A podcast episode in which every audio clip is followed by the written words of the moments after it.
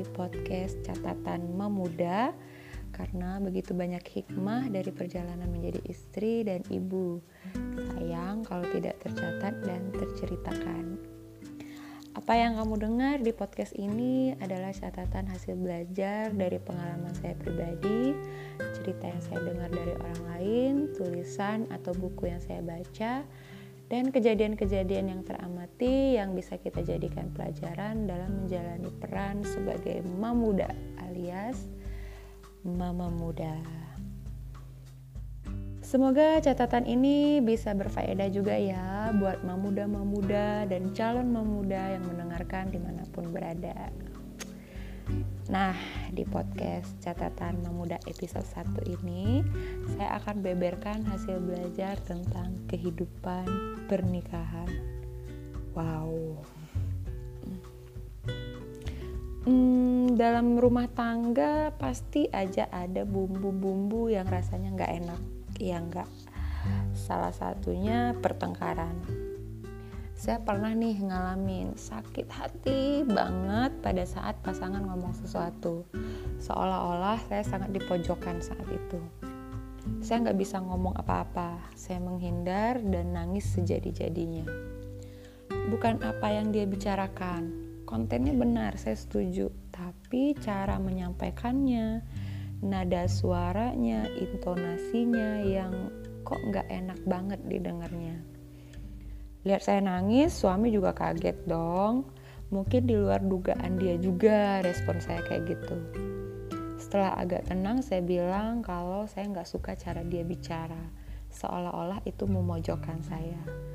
Suami minta maaf karena dia juga sebenarnya nggak bermaksud seperti itu.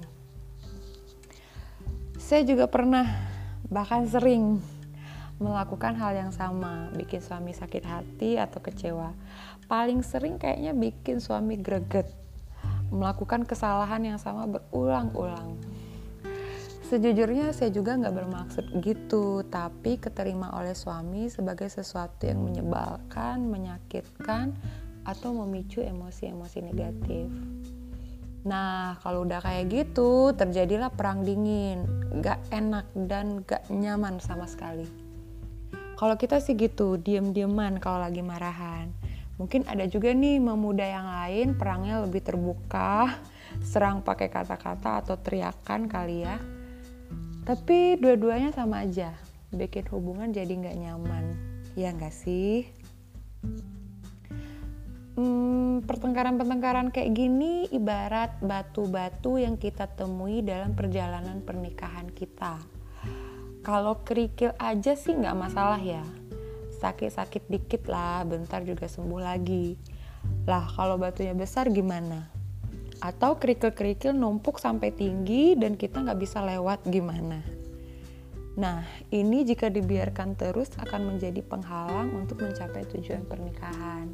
So, menurut saya hal-hal kayak gini perlu diatasi.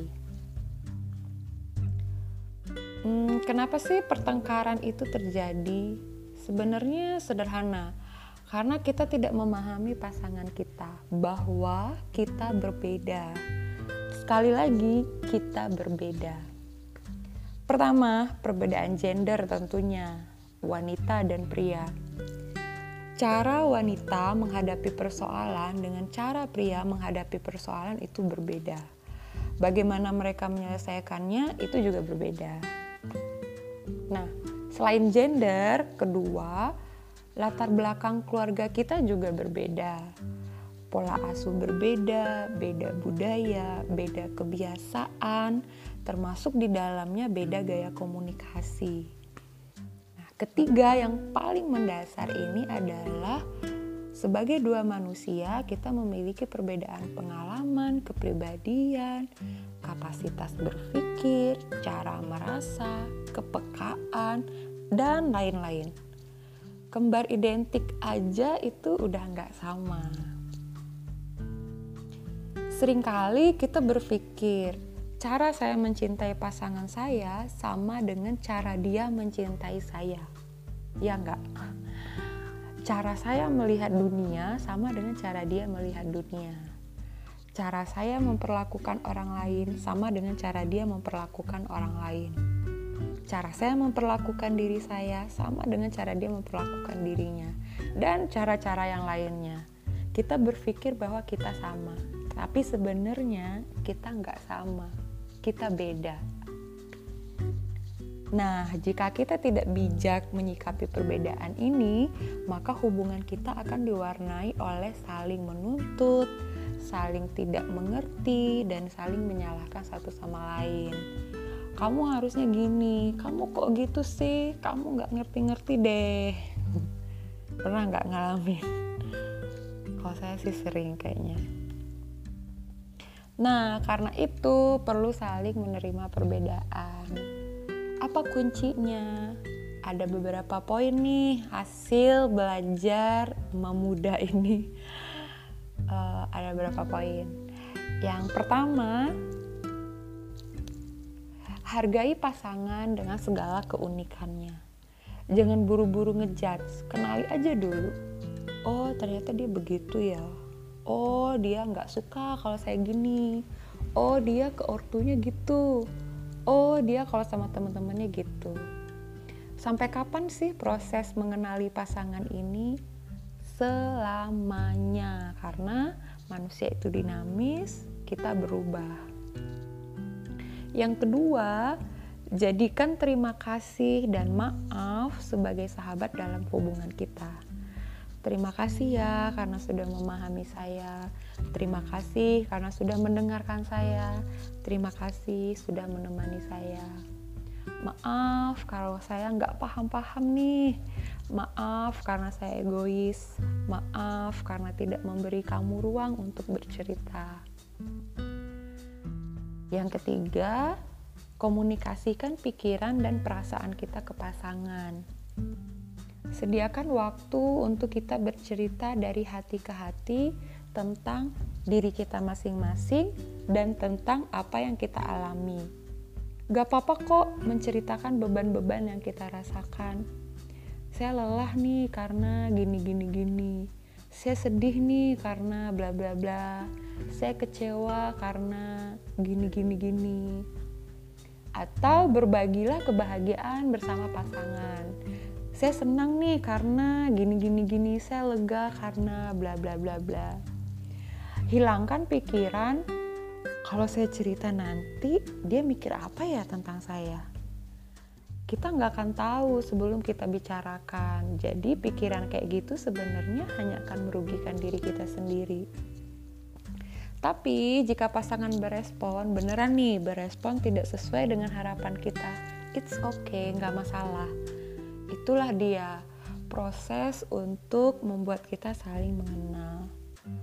Kita jadi tahu, oh ternyata kalau saya cerita tentang ini, respon pasangan saya akan begini. Oh ternyata dia berespon kayak gitu karena saya ceritanya kurang jelas. Oh dia nggak suka nih kalau saya ngomongin orang lain gitu. Jadi proses itu akan membuat kita saling lebih kenal mengenal. Yang keempat, mendengarkan dengan aktif bukan sekedar masuk telinga kanan keluar telinga kiri tapi mendengarkan pasangan dan itu bertujuan tujuannya apa? Agar kita bisa mengenal pasangan kita dan berperilaku tepat sesuai dengan kebutuhan pasangan kita. Jadi banyakin respon kayak gini nih kalau lagi mendengarkan pasangan. Oh iya? Oh gitu ya? Hah? Kamu sedih dong? Terus kamu gimana? Wah kamu jadi happy banget dong ya. Kira-kira gitu ya lebih baik menahan diri untuk buru-buru menasehati atau menggurui. Mendengarlah untuk memahami bukan mendengarlah untuk ngejudge uh, menceramahi atau uh, memojokkan pasangan kita. Yang terakhir, hasil belajar memuda ini tidak ada batas waktu untuk semua poin-poin itu. Jadi yang tadi poin-poin yang bisa kita lakukan itu nggak ada batas waktu sampai kapan itu dilakukan. Jadikanlah setiap poin-poin tadi itu sebagai warna dalam hubungan pernikahan kita. Nah, insya Allah itu akan jadi kebiasaan dan jadi hal yang menyenangkan dilakukan.